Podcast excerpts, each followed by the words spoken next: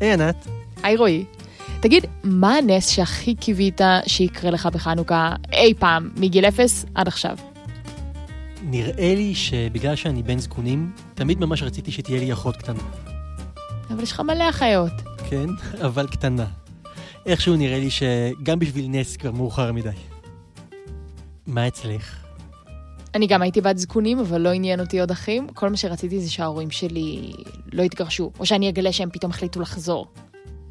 עכשיו, כמובן, אין לי שום עניין שהנס הזה יקרה. א', אני לא יכולה לדמיין את המציאות הזאת יותר, וגם קרו כל כך הרבה דברים טובים. למשל, לי כן נולדה אחות, שלא הייתי מחזירה את הגלגל לאחור. אבל רועי, אני לא פה לפתוח את הלב שלי. אוקיי, אז בואי נפתח לבבות של אחרים. יאללה. בפודקאסט חדש לחנוכה, היה פה סיפורי ניסים, נדבר עם אנשים לא שגרתיים שחוו דברים לא שגרתיים. אפשר לנסות ולמצוא כל מיני דרכים להסביר אותם, אבל אנחנו ננסה לא להסביר, אלא לצלול לתוכם.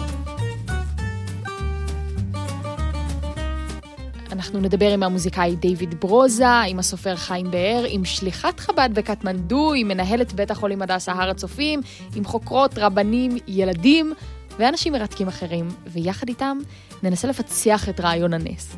או אולי דווקא להשאיר סביבו את הקסם הבלתי מפוענח שלו.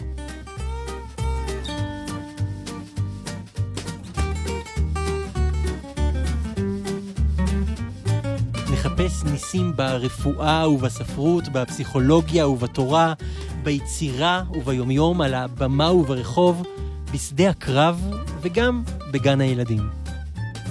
אנחנו נהיה פה, רועי רביצקי וענת קורול גורדון.